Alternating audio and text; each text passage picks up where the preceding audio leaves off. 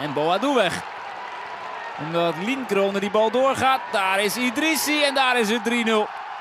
Alle drie de aanvallers. Van wie we weten dat ze zo goed kunnen voetballen. Scoren voor AZ. En kunnen de tickets richting Oekraïne geboekt worden. Want Mariupol wacht in de derde voorronde.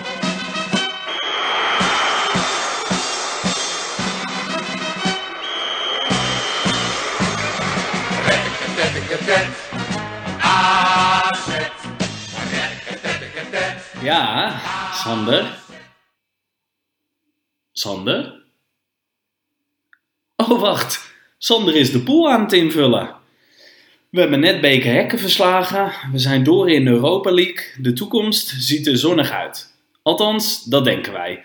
Hoe denk jij erover? Dat horen wij graag van jou. Samen gaan we de uitslagen in de Eredivisie voorspellen. Daarvoor hebben we een poeltje georganiseerd. En als je je nog niet hebt aangemeld, dan verzoeken we je hierbij om dat alsnog te doen. Meld je aan via podcast67.nl/pool. Dat is dus www.podcast67.nl/slash P-O-O-L.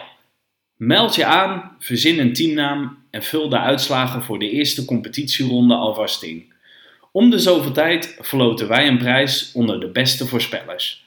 Wacht niet langer en meld je vandaag nog aan. Doe dat in ieder geval voordat de competitie echt begonnen is.